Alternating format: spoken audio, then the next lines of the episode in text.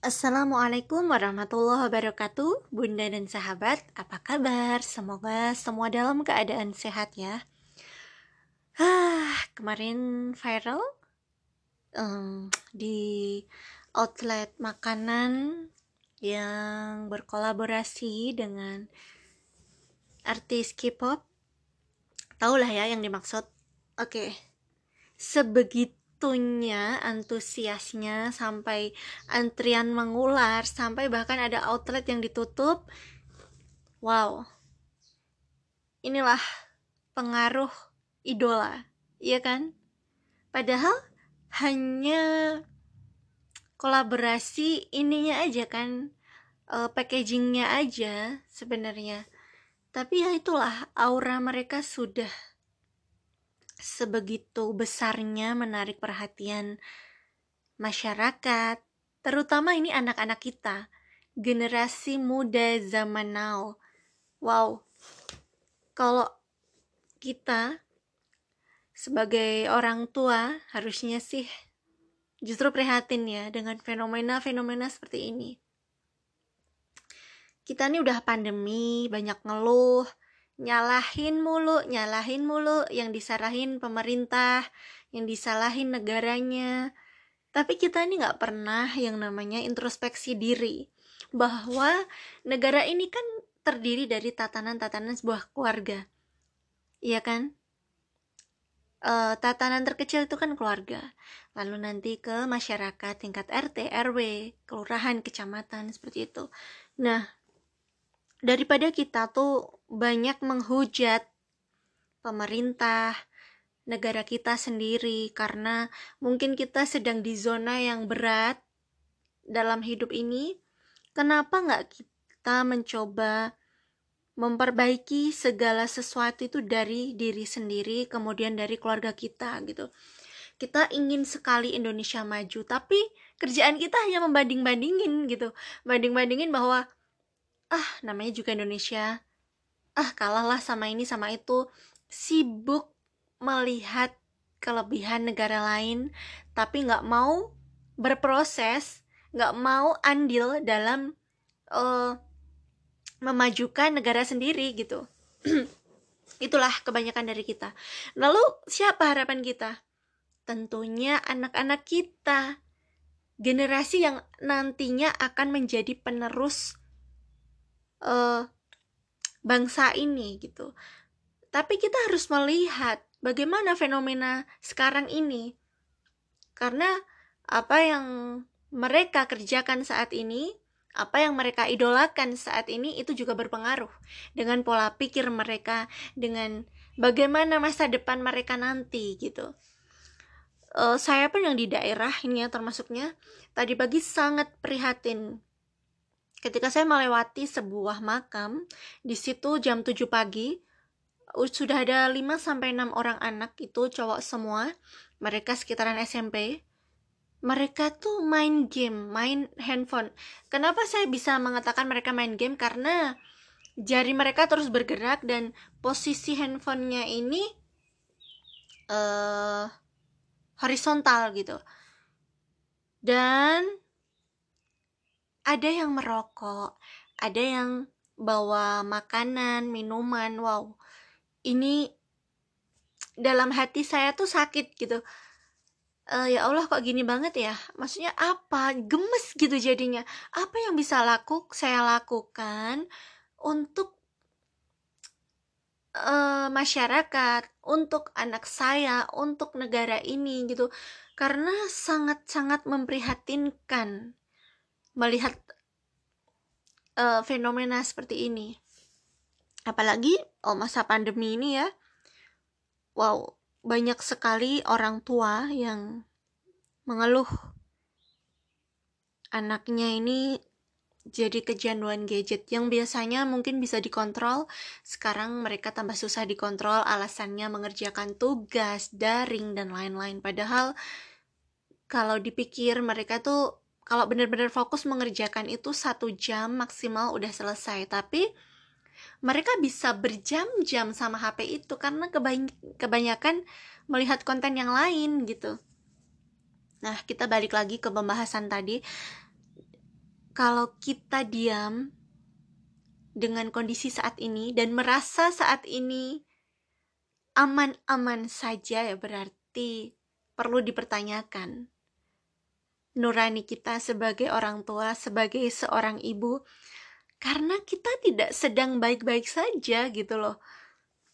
Mungkin pada mikirnya, ah biasalah anak-anak punya idola gitu.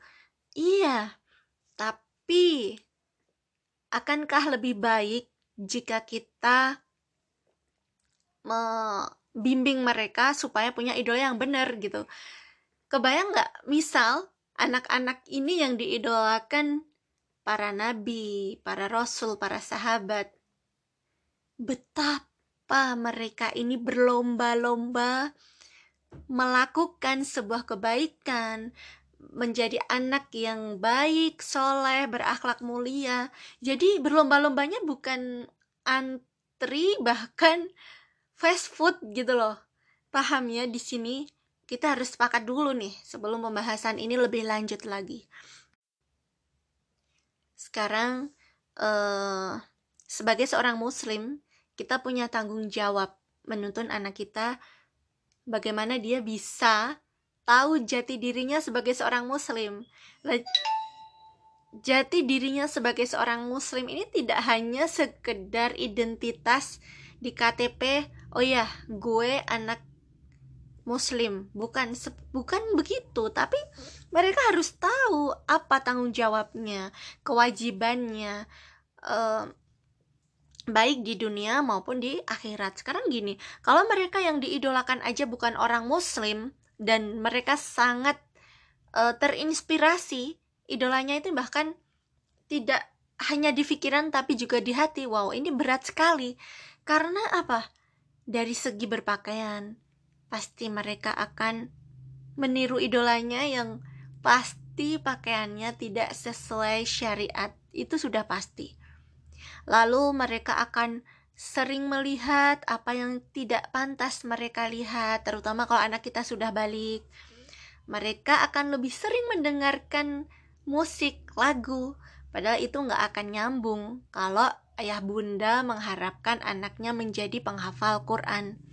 Nah, makanya ini idola ini sangat penting sekali, terutama ini akan jadi bahaya untuk anak-anak yang mereka sedang masa-masa mencari jati diri, masih labil-labilnya gitu loh.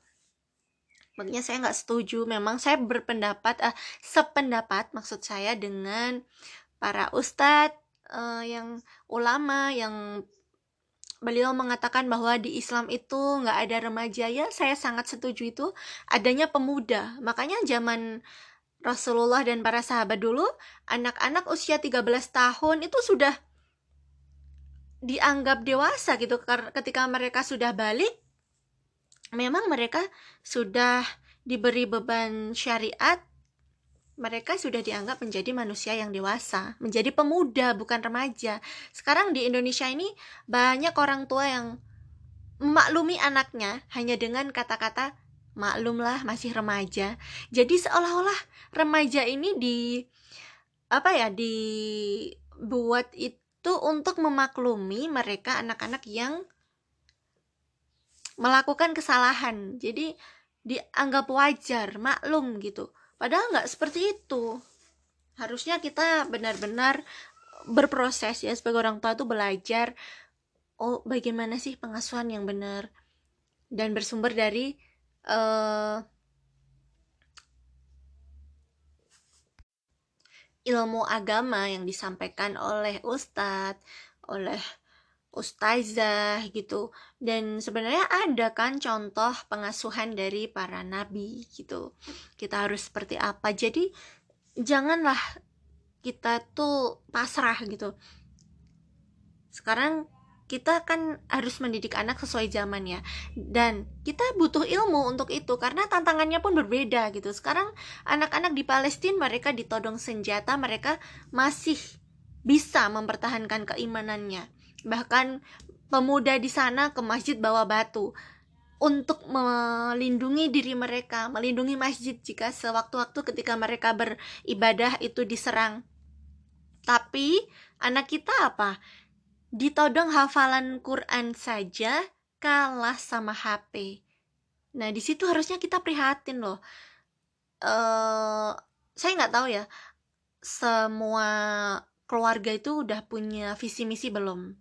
Kalau sudah ini bagus, tapi kalau belum, coba dipikir apa sih visi misi keluarga kita tuh, keluarga kecil kita ya. Jadi antara uh, suami, istri, dan anak. Ini pengennya ke mana? Mau dibawa ke mana gitu? Apa sekedar ngalir aja? Yang penting aku kerja anakku bisa tidur makan sekolah selesai? Nah apa bedanya kita dengan monyet? Kalau hidup cuman buat makan ya kan? Jadi uh, gini loh. Kita tuh harus punya visi misi. Kalau benar-benar mencintai anak kita paling nggak dalam hati kita tuh udah pikir oke okay, aku nggak mau nanti terpisah. Meskipun uh, di alam yang lain ketika kita sudah meninggal aku pengennya kumpul lagi dengan anakku dengan pasanganku gitu. Jadi kita harus punya visi misi. Kalau kita nggak punya tujuan cuman ngalir ya kita ngomongnya sayang sama anak. Tapi ketika anak berbuat maksiat kita maklum kita diem. Nah terus gimana? Kan nggak nyambung gitu ya. Kalau kita ingin berkumpul kembali di surganya Allah bersama uh, keluarga kita, pasangan kita, anak kita, ya berarti kita harus benar-benar memperhatikan segala yang dilakukan anak kita, benar-benar membimbing ya, membimbing. Jadi kebanyakan kita penyakitnya orang tua tuh gini. Kita sibuk membandingkan anak dengan anak kita dengan anak orang lain tapi kita lupa berproses gitu ya kan kadang nuntut ah yang sini pintar ngaji kenapa kamu nggak bisa padahal kitanya sendiri nggak bisa ngaji gitu. Jadi kita tuh harus berproses harus saling. Jangan cuma nuntut. Kalau visi misi itu sudah dibuat disepakati satu keluarga ya bareng-bareng menjalankannya gitu ya. Hmm, mungkin ini dulu bunda dan sahabat. Semoga uh, bisa lebih sering menyapa lagi. Dan sebelum saya tutup saya mau menginformasikan bahwa tanggal 13 Juni nanti hari Minggu akan ada live Zoom parenting bersama Ustadz Salim Afilah dan ini penting banget temanya membahas tentang idola. Jadi bagaimana tentang menumbuhkan kesadaran dan mengenalkan Rasulullah Shallallahu Alaihi Wasallam kepada anak. Jadi ini ikhtiar kita, bekal kita sebagai orang tua supaya anak tuh punya idola yang benar. Jadi dikenalin sama Rasul ya. Karena anak itu melihat uh, mengidolakan, menyukai apa yang dia lihat, apa yang dia tahu. Jadi kalau belum tahu tentang Rasulullah ya, kita kasih tahu kita cari bekalnya sama-sama. Wassalamualaikum warahmatullahi wabarakatuh.